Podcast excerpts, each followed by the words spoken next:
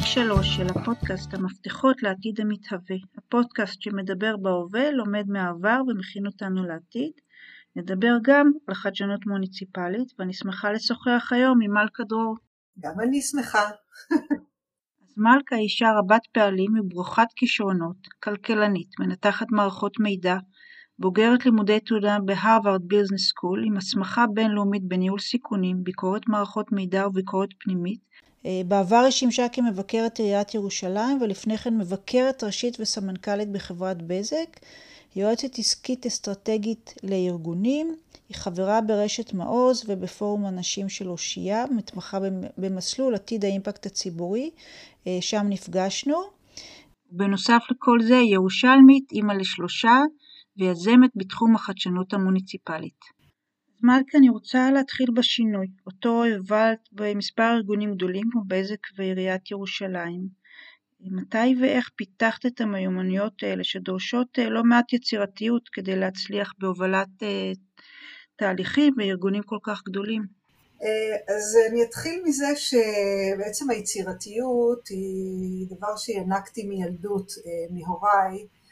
אני גדלתי בבית שהאבא הוא נגר והאימא תופרת, מירושלמית,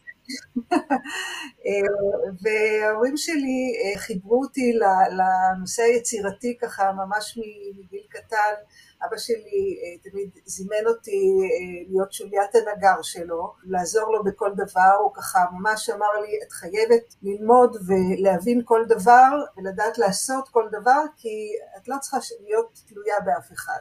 וככה בעצם למדתי את כל תהליך עבודת הנגרות מהשלב של התכנון, מהשלב של הביצוע, כך גם בעולם התפירה, אני הצבתי ותכננתי את הבגדים שלי מגיל קטן וגם אה, בסופו של דבר לימדתי חברות שלי איך אה, פה כל הידע שהיה לי, אז הנושא היצירתי הוא ממש ממש בדמי, אבל אה, אם את שואלת בעצם מה הקשר של יצירתיות לביקורת, אז אה, פה אני רואה קשר מאוד מאוד אה, עמוק אה, בעצם בתפיסה של הביקורת.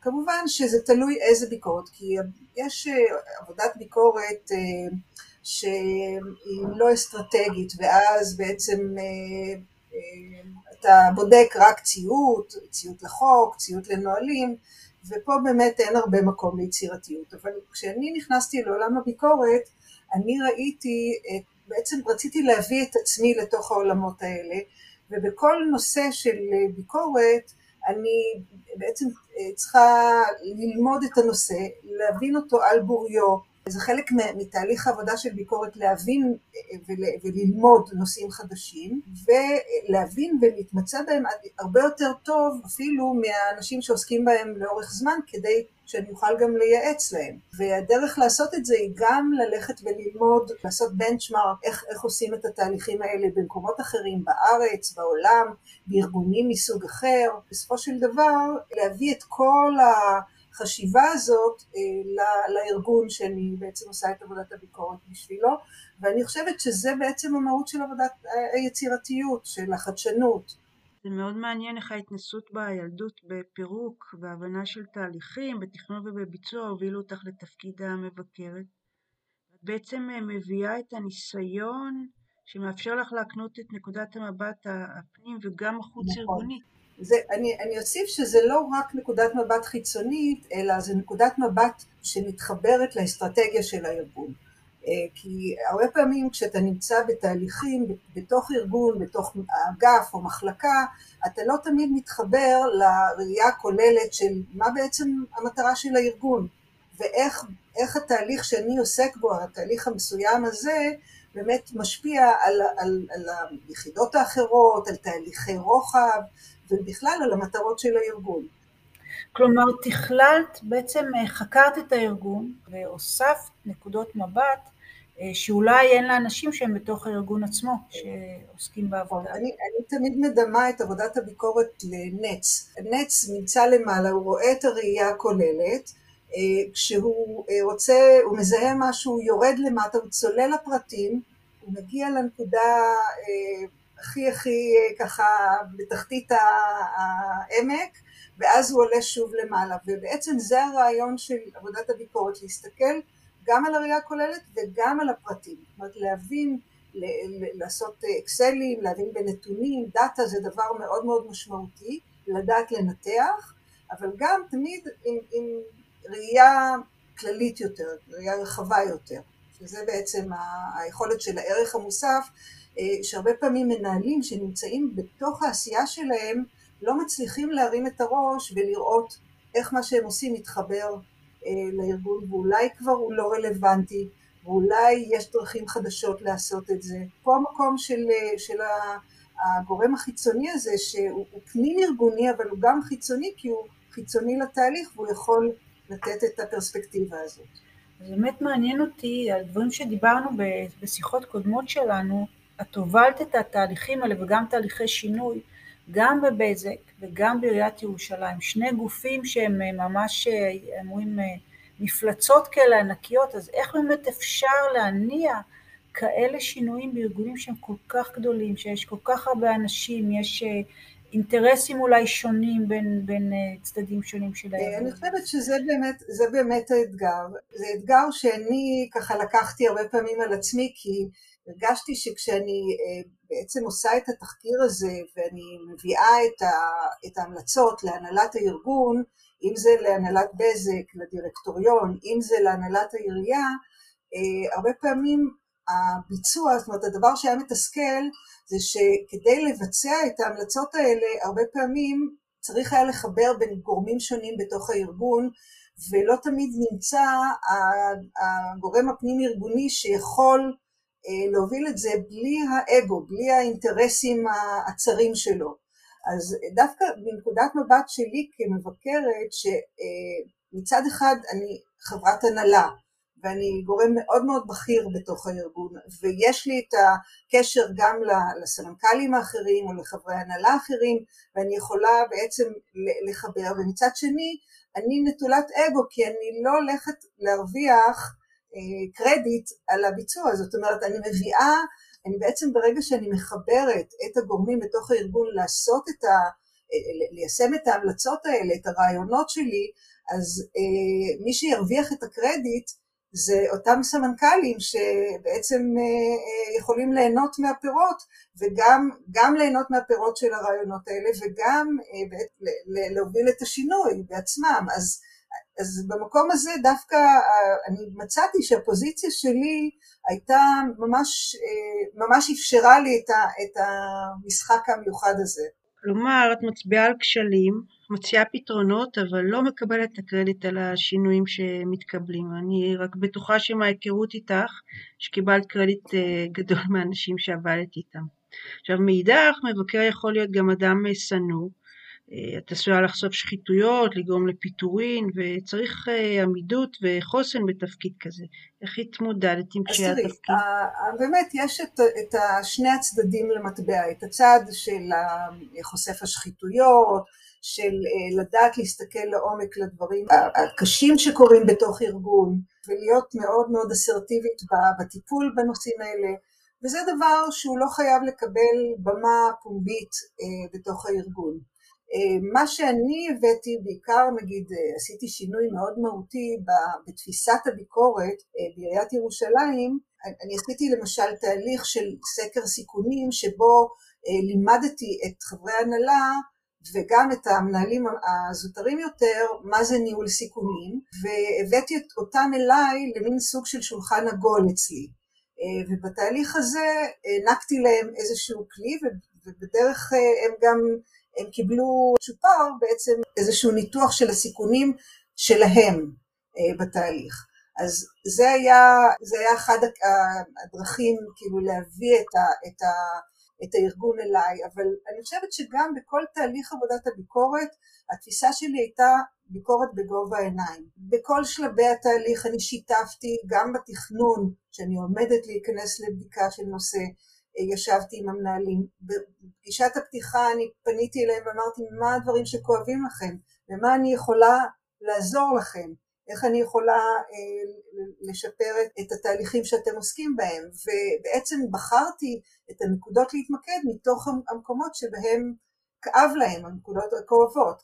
וגם כשסיימתי את העבודה, אני ראיתי את המטרה שלי לא רק לפרסם דוח, אלא בעצם להביא לשינוי. אז אה, זימנתי אותם לפגישה כדי לדון איתם ברעיונות, אני קראתי לזה שולחן עגול, לפני פרסום הדוח אפילו, לפני פרסום הטיוטה אפילו, אה, שולחן עגול שבו אנחנו ישבנו ואני הצגתי את הממצאים ואת הרעיונות לאיך אפשר לשפר את התהליכים האלה וקיבלנו גם משוב מהם מה, מה מקובל, מה, איך הם יכולים, מה, מה לוחות הזמנים שהם יכולים אה, לבצע את זה. כלומר, נותנת להם זמן לתקן לפני שיוצא הדוח הרשמי וזה לא נופל עליהם. זה לא נפל עליהם. כשהגענו לדיון אצל, אה, בלשכת מנכ"ל או בלשכת ראש עיר או יושב ראש דירקטוריון, כבר היה להם מספיק זמן להגיד הנה כבר ביצענו, כבר אנחנו בתהליכי שיפור, מה שהמבקרת מצאה זה בסדר, אבל אנחנו כבר במקום אחר לגמרי, ואני חושבת שזה גם נתן להם את הקרדיט בסופו של דבר, אה, ואת הפגישה שאני לא הולכת לרדוף אחריהם או לחפש אותם, אה, אלא אני עוזרת להם. אני סוג של אה, יועץ ארגוני, בעצם יועצת. אגב, בעולם הביקורת הבינלאומי, יש, ל, יש כמה תפקידים למבקר, אמנם בחוק, בחוקים בארץ זה פחות אה, מקובל, אבל בעולם יש מבקר שהוא מבקר ויש מבקר שהוא יועץ, וזה שני, שתי פוזיציות שמבקר יכול להיות בתוך הארגון שהוא חלק ממנו, והרבה פעמים אני בחרתי להיות המבקר היועץ, זה הדבר שאפשר את זה. אהבתי את ההבחנה. יש ציטוט של סיסרו, פילוסוף רומי שאני מאוד אוהבת, שאומר I criticize by creation not by finding fault. כלומר, נכון. אני באתי לשפר ולא רק להעביר ביקורת. אז אני רוצה לחזור לחדשנות מוניציפלית ולשאול אותך מה האתגרים שאת רואה היום אה, בתחום הזה, כן, שבהחלט יש בו הרבה מקום ליצירתיות. נכון.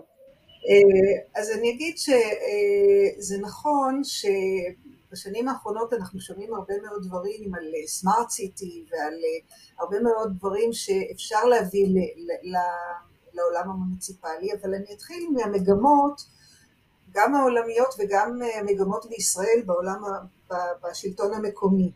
בעצם מה שאנחנו רואים כמגמה עולמית זה תהליך של איור. הרבה מאוד אנשים מעדיפים ורוצים לעבור לגור בערים. אני הייתי לפני כמה שנים ביפן ואנחנו ממש ראינו שערים, שכפרים שלמים פשוט התרוקנו, בתי ספר כבר אינם, אין, בתים ריקים שאף אחד לא מתגורר בהם ולעומת זאת כשמגיעים לערים הגדולות הן מפוצצות בתושבים, בעצם כל החבר'ה הצעירים מוצאים את עצמם, אה, רוצים להיות בעולם החדש, בערים הגדולות, אותן ערים ענקיות, אז אנחנו רואים את המגמה הזאת בכל העולם, אבל גם בישראל, שזו מגמה אז, אז נראה מגה ערים נכון. ב... ב... אה, מגה ערים. עכשיו, אה, היחס בין השלטון המרכזי למקומי הוא גם אה, בעצם משתנה בשנים האחרונות, מכיוון שהערים מאוד גדלו, הרבה מאוד מהאחריות של השלטון המרכזי עובר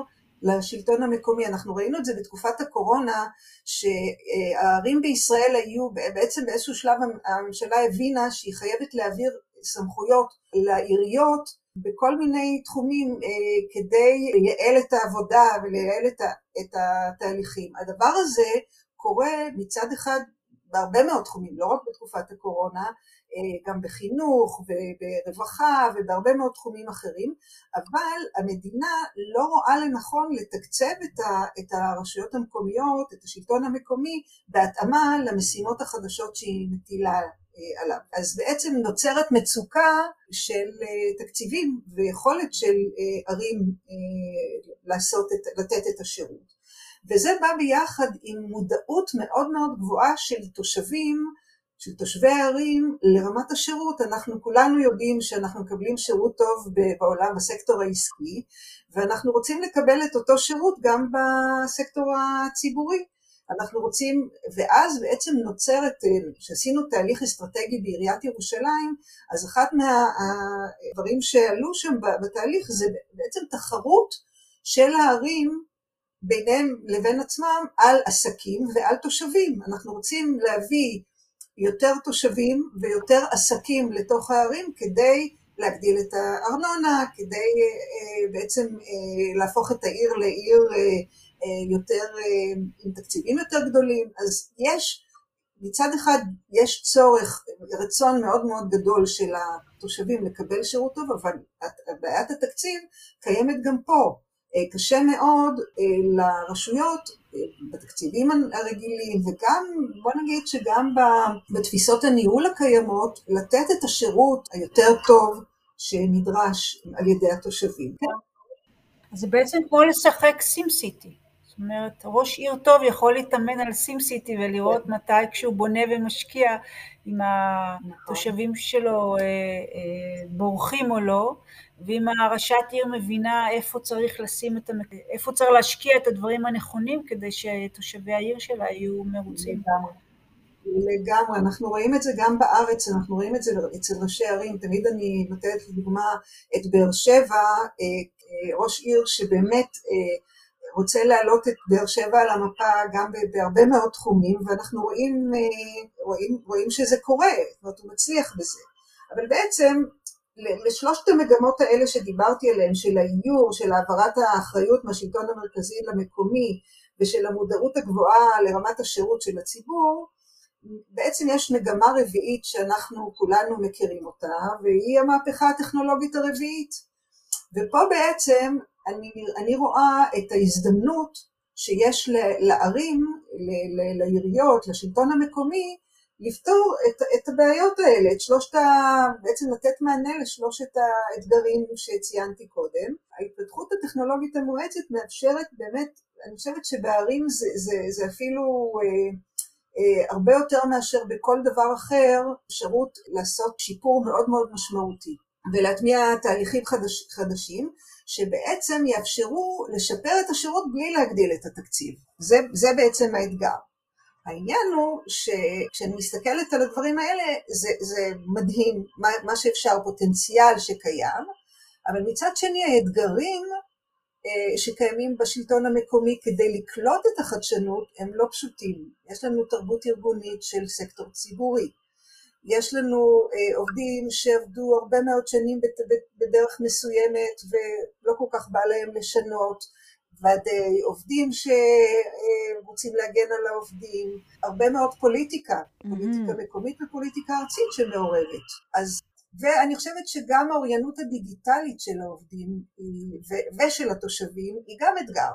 ביכולת לצרוך את השירותים, אנחנו מדברים על ערים שיש בהם הרבה מאוד קשישים, הרבה מאוד אנשים נגיד חרדים, או אנשים שהאוריינות הדיגיטלית שלהם היא לא גבוהה, זה אתגר לא קטן. זה אתגר בעצם לרשות. יש שני מודלים לחדשנות אה, מוניציפלית שאני מכירה שאינם דורשים בהכרח אה, אוריינות דיגיטלית. אה, בעיר קוריטיבה בברזיל, שבה תשלום עבור התחבורה הציבורית מתאפשר תמורת איסוף בקבוקים ופחיות.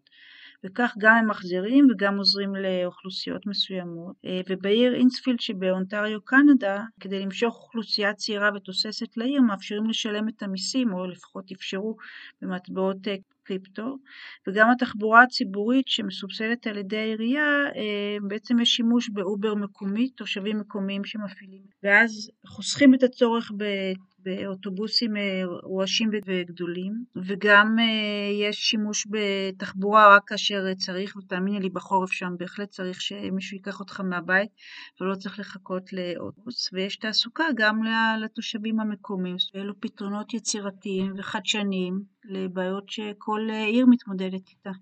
כך שחדשנות לא מחייבת בהכרח אוריינות דיגיטלית, אפשר גם לחשוב על אה, רעיונות שמקלים על האוכלוסייה גם זו שלא משתמשת באמצעים דיגיטליים.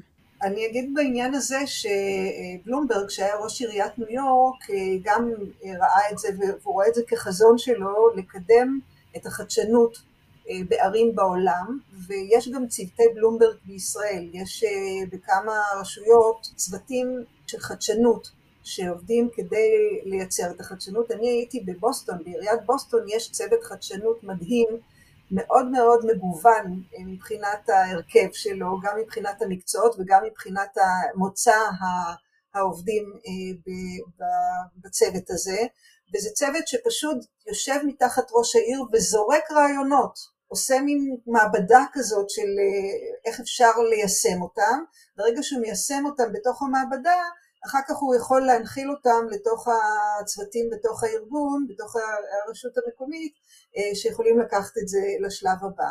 אז הרעיונות האלה קיימים בהרבה מאוד מקומות, גם בישראל יש ניצנים בהרבה מאוד רשויות, אבל הפערים, ואני קוראת לזה אוקיינוס כחול, כי באמת הצורך הוא מאוד מאוד גדול, יש הרבה מאוד מה לעשות בתחומים האלה של החדשנות, גם התהליכית וגם הטכנולוגית. אני, אני לא נתלית רק בעולם הטכנולוגי שיכול להביא את החדשנות. החדשנות יכולה פשוט לבוא גם מהסתכלות אחרת על התהליך, משינוי התהליך, מדגשים אחרים, מהתחברות לתוך, לאסטרטגיה של, ה, של הרשות.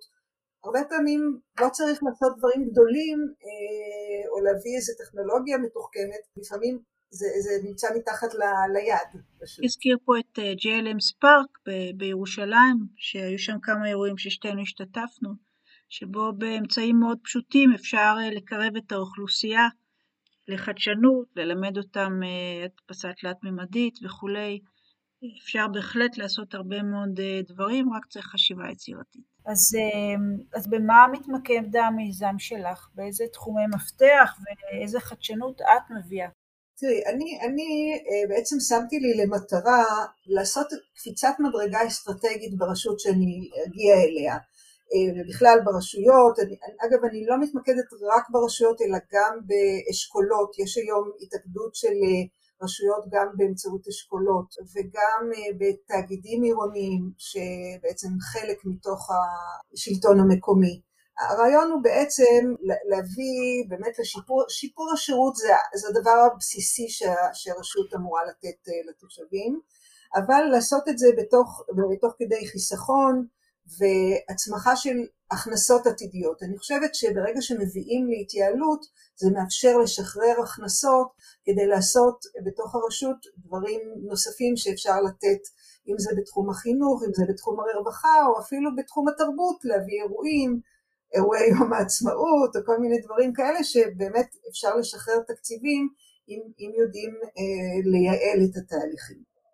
שאנשים מאוד אוהבים את האירועי תרבות האלה, זה כאילו נראה כאילו אולי לא חשוב, אולי אנחנו רוצים להשקיע יותר בתשתיות וכולי, אבל זה, עושה, זה כמו ריאות ירוקות בעיר, זה כמו שהנראות היא, היא עושה טוב לאנשים. נכון, אני חושבת שתרבות, שתרבות, ואנחנו ראינו את זה בתקופת הקורונה, כמה היה חסר לנו הנדבך הזה של התרבות, ודווקא עיריית ירושלים הייתה מאוד חדשנית ויצירתית, ושמה אה, על גבי משאיות צוותי בידור שפשוט הלכו, אה, נסעו בשכונות, עצרו בכל מיני מקומות מול בתים אה, משותפים ו... ועשו הופעות לאנשים במרפסות. כן, גם אצלנו פה. כן. אז באמת, אז אם נחזור לשאלה שלך, בעצם המיזם מתמקד בשלושה תחומים. התחום הראשון הוא בעצם למפות את האתגר של הרשות המקומית, ולדעת להתאים את סל הפתרונות המתאים, אה, אם זה כמו שאמרתי טכנולוגי או, או פתרון תהליכי, פשוט חשיבה חדשנית. השלב השני הוא, התחום השני הוא בעצם ללוות באימוץ התהליך על ידי יישום והטמעה של אה, תהליכי החדשנות, בעיקר כאילו לראות את המקומות שבהם אפשר לעשות קוויקווין, שאפשר לעשות אה, איזשהו שינוי מהיר, מתוך הניסיון שלי בעיריית ירושלים אני באמת הכרתי את כל תחומי הפעילות אה, המגוונים של, ה, של הרשות המקומית ואני בהחלט יכולה להגיד שממש כמעט בכל תחום יש את הקוויק ווין האלה, את, ה, את הדברים שאפשר לעשות אותם אה, שיפורים קטנים ומהירים שיכולים מאוד מאוד לשפר. והדבר השלישי, הנדבך השלישי שאני רוצה להביא זה בעצם לייצר שיתופי פעולה אני, אני אומרת שהעולם החדש והחדשנות, חלק גדול ממנו זה נושא של שיתופי פעולה. אז שיתופי פעולה גם עם, אה, בין ארגונים שונים אה, וגם בין אה, אה, נגיד סטארט-אפים או כל מיני גופים ש, שיש להם אה, כלים חדשניים שיכולים להתאים לצרכים אה, ופשוט לעשות את ההפגשה ביניהם כי אני נמצאת גם בעולמות האלה של הטכנולוגיים, אני מייצרת את ה... את, את ה יש לי המון המון קשרים, ואני רוצה להביא אותם גם ככלי נוסף לרשויות המקומיות, לשלטון המקומי. יש חסרונות בחדשנות? כן, תראי, החיסרון העיקרי הוא הקושי להטמיע את תהליכי החדשנות בארגונים מסורתיים כאלה. כמו שאמרתי, האתגרים הם אה, שצריך ממש לעשות, צריך למצוא בתוך כל רשות את, ה, את אותם אה, אנשים שיכולים להוביל את התהליכים. זה נכון שגם אם אני באה כיועצת לרשות, זה עדיין לא מספיק וצריך באמת אה, להכשיר את האנשים ש, שזה יהיה שלהם.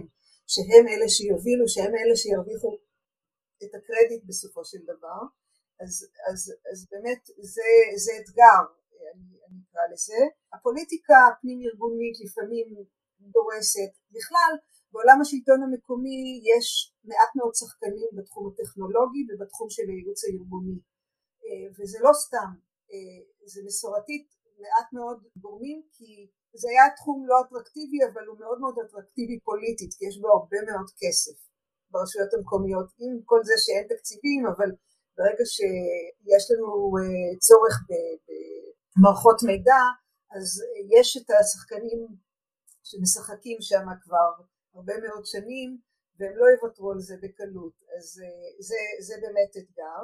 ואני חושבת שהקושי הנוסף הוא הנושא של האוריינות הדיגיטלית. החשש שלי הוא שברגע שהשירותים יהפכו לדיגיטליים, בעיקר בתחום מתן השירות, אז יהיו הרבה מאוד אנשים שיישארו בחוץ. בעיקר אותם קשישים ואותם אה, חרדים נגיד בירושלים שהם בערך 40 אחוז מה, מהאוכלוסייה בעיר, וגם חלק מהתושבים הערבים אה, שהנגישות שלהם לכלים הדיגיטליים היא פחותה ואני חושבת שזה אתגר אה, וצריך לדעת לטפל בו כי, אה, כי זה, זה יכול להיות גם מכשול לניסוי של זה חסם. אבל אני חושבת שהיתרונות של להכניס את התהליכים האלה הם פי, ממש פי כמה יותר מאשר האתגרים האלה ואני חושבת שבסופו של דבר מי שלא יהיה שם אה, רשות שלא תהיה שם, אז אה, היא תהיה לא רלוונטית לתושבים. אה, זה, זה חד משמעית ברור שהיא לא תוכל לתת את אותם, אותה רמת שירות לתושבים כמו שרשויות אחרות שכן יאמצו את הטכנולוגיות החדשות ואת התהליכים של הטכנולוגיות. אז את יכולה לתת לי איזושהי דוגמה לאיזושהי חדשנות שהיית חלק ממנה או שהטמעת אותה בעיריית ירושלים? כן, אז, אז כן, אני אדבר על אה, נושא מאוד ספציפי, נושא של אה, תחזוקת כבישים. בזמנו אנחנו בדקנו תהליך של איך, איך עיריית ירושלים מתחזקת את הכבישים, והבנו שהתקציבים בנושא הזה הם מאוד מאוד קטנים לעומת שטח, השטח, ירושלים היא גם העיר הגדולה ביותר בישראל מבחינת כמות התושבים, אבל גם מבחינת השטח המוניציפלי היא לפחות פי שתיים יותר מאשר השטח המוניציפלי של תל אביב. היא, היא מאוד מאוד, אני חושבת שהיא העיר הכי גדולה בארץ בשני המובנים האלה, אה, כמעט מיליון תושבים.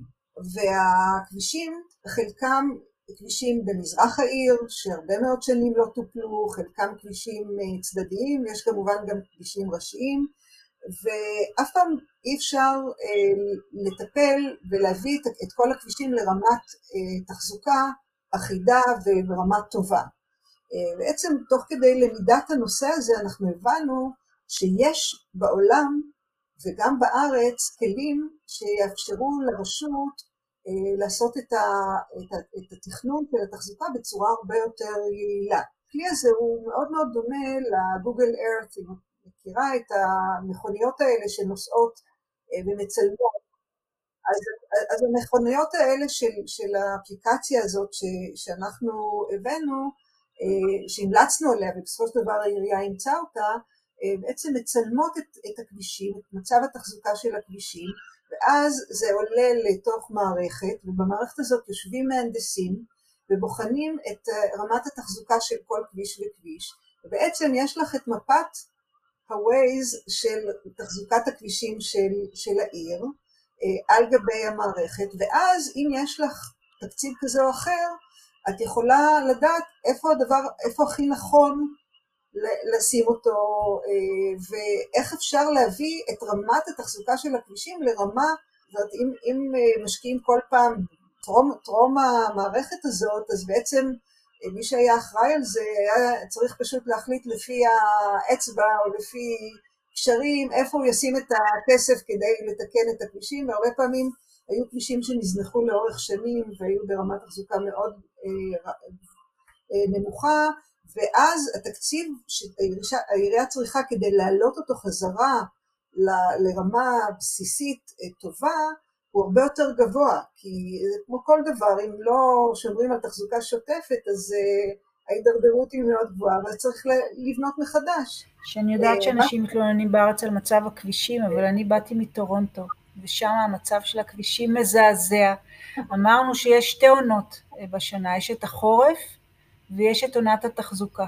כי ברגע ש, שהשלג אה, נמס, אז היו פיילונים לכל אורך הדרך, וכל הזמן היו מתקנים, כל הזמן היו חורים. זה גם בעיה כמובן של המינוס 20, מינוס 30 שיש בחורף, אז זה מפוצץ את הכבישים, אבל יש לזה פתרונות טכנולוגיים סך הכל.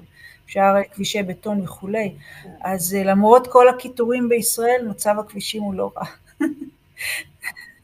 אני יכולה להגיד שכשאני הגעתי לעירייה, אז אה, מבקר המדינה דאז יוסף שפירא פנה אליי ואמר לי, אני תושב ירושלים ואני נוסע במוניות ואני פשוט כואב לי על כל בעלי המוניות שהם כל הזמן הורסים את, את המכוניות שלהם בבורות שיש בירושלים, אנא טפלי בנושא הזה. אז אה, באמת הטיפול, אה, אני מאוד מאוד ככה התרגשתי שאחרי שסיימנו את הדוח ובדיונים הם אה, באמת אמרו שהם יאמצו והם יצאו במכרז, אחרי כמה חודשים הם קראו לנו, הצוות, מנהל האגף וראש המינהל שאחראי על הנושא של התחזוקה, ואמרו לנו אנחנו רוצים להראות לכם מה עשינו, איך יישמנו את זה, והם באמת הראו לנו את המערכת החדשה שהם בנו בעקבות התהליך הזה, את כל הצילומים, את כל תהליך קבלת ההחלטות, ובאמת ברגע שיש תקציב אפשר להכניס את התקציב ולדעת איפה המקום הכי נכון, אפשר להכניס שם גם כל מיני שיקולים נוספים של אה, כבישים ראשיים, של כבישים אה, אה של נגיד סביב אה, משרד ראש הממשלה או כל מיני מקומות כאלה שצריכים אה, תחזוקה קצת יותר אה, בשביל הנראות, כי זה בכל זאת בירת ישראל, אבל אה, זה כלי שמאפשר, אז אני חושבת שזה דבר שממש מאפשר לנצל נכון את התקציבים של התחזוקה, שהם בדרך כלל תקציבים מאוד גדולים ואף פעם לא מספיקים.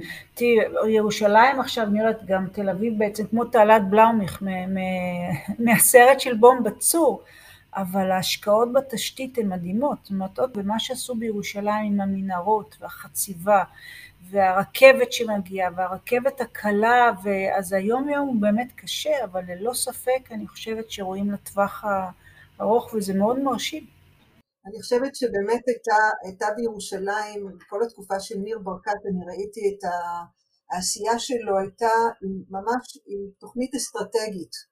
זה לא, זה לא אה, משהו ש... אה, אה, כאילו החלטות מהרגע להרגע, אלא הייתה תוכנית אסטרטגית סדורה וכל הנושא של אה, פיתוח הכבישים והכניסות לעיר והרכבת הקלה זה דברים שהתכנון שלהם הוא עשרות שנים, זה לא דברים שקורים שאומרים היום ומחר זה קורה. ואני יכולה להגיד שבאמת בתקופה הזאת אישרו את, את כל תוואי, כמעט כל התוואי של הרכבת הקלה, של הקווים הנוספים אה, שדרושים בעיר, מבחינה סטטוטורית אה, הם עברו אישורים.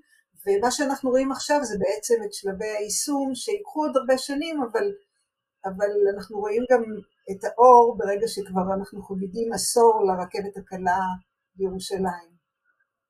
ללא ספק אה, הייתה לך קריירה, אני מניחה גם חיים אה, מרתקים עם הרבה מאוד הצלחות, אבל אני רוצה לשאול על הכישלונות, תראו, על האתגרים.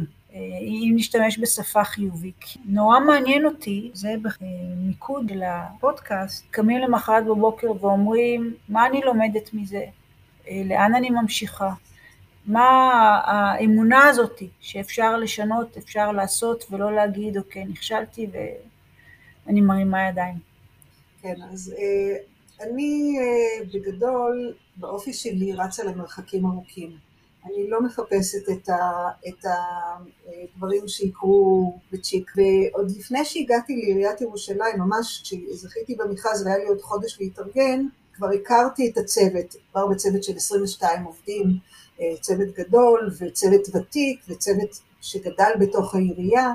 היה לי כבר אה, אתגרים, חזון, איך, לאן אני רוצה להוביל אה, את הביקורת ומה לעשות, והבנתי שהצוות הזה לא מדבר את השפה שלי בתפיסת הביקורת שלי. ואחד הדברים שתכננתי ממש עוד לפני שהגעתי היה, יש, יש בעולם הביקורת הסמכות בינלאומיות. לי יש הסמכה שנקראת סיסה שזה Certified Internal, סליחה, מבקר מערכות מידע, ויש גם CIA שזה מבקר פנימי.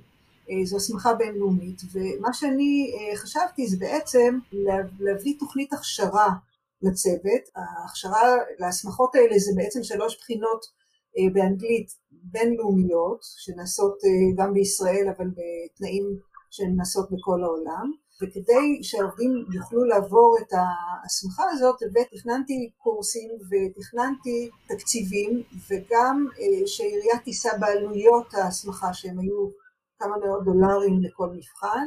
וגם אפשרתי לעובדים אה, ללמוד בצוות תוך כדי עבודה, כלומר פעמיים בשבוע אנחנו ישבנו ופתרנו מבחנים, אה, תהליך שאני ראיתי אותו כתהליך שצריך להימשך שלוש שנים, אגב כדי לגייס את העובדים שלי לתהליך הזה אז החלטתי גם אני לעשות את ההסמכה הזאת שלא הייתה נדרשת לי אבל אמרתי כדוגמה אישית גם אני אצטרף, וזה היה אתגר לא פשוט תוך כדי עבודת ניהול הצוות, אה, לשבת וללמוד למבחנים האלה שהם מאוד מאוד קשים. בסופו של דבר, אחרי שלוש שנים, מעט מאוד מהעובדים הצליחו אה, לעבור את שלושת המבחנים. היו כאלה, כמעט כולם שעברו את המבחן הראשון, ולאט לאט זה הלך והידרדר למבחן השני והשלישי. שלושת המבחנים עברו אולי שלושה עובדים מתוך אה, נגיד צוות של 12. שניגשו למבחנים. אז מצד אחד אפשר לראות בזה כישלון, כי בעצם אני הצבתי רף מאוד מאוד גבוה.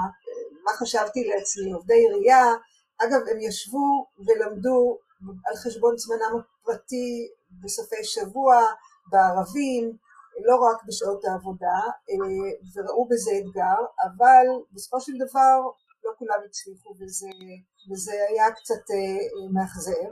אבל אני לא רואה בזה, בוא נגיד שאם הייתי צריכה לעשות את זה שוב, אני הייתי עושה את זה שוב, כי אני חושבת שבעצם זה שהם ישבו ולמדו את התפיסה הבינלאומית של הביקורת אה, ולמדו את התקנים המקצועיים ובעצם הם התחברו לתפיסת הביקורת שלי והיה לי הרבה יותר קל אחר כך להוביל מהלכים נוספים עם צוות שהוא בעצם מחובר אליי אז הם לא עברו את המבחנים, הם לא, אבל הם כן דיברו, דיברו את השפה. אז אה, אפשר לראות בזה כישלון גם, אבל אני, אני מאוד אופטימית, אני בן אדם אופטימי ואני רצה למרחקים ארוכים ואני גם דברים כאלה לא, לא רואה, תמיד רואה את הדבר החיובי בסופו של דבר. אז uh, אני רוצה לשאול אותך, אותך את שאלת הסיום שאני שואלת בכל uh, פרק.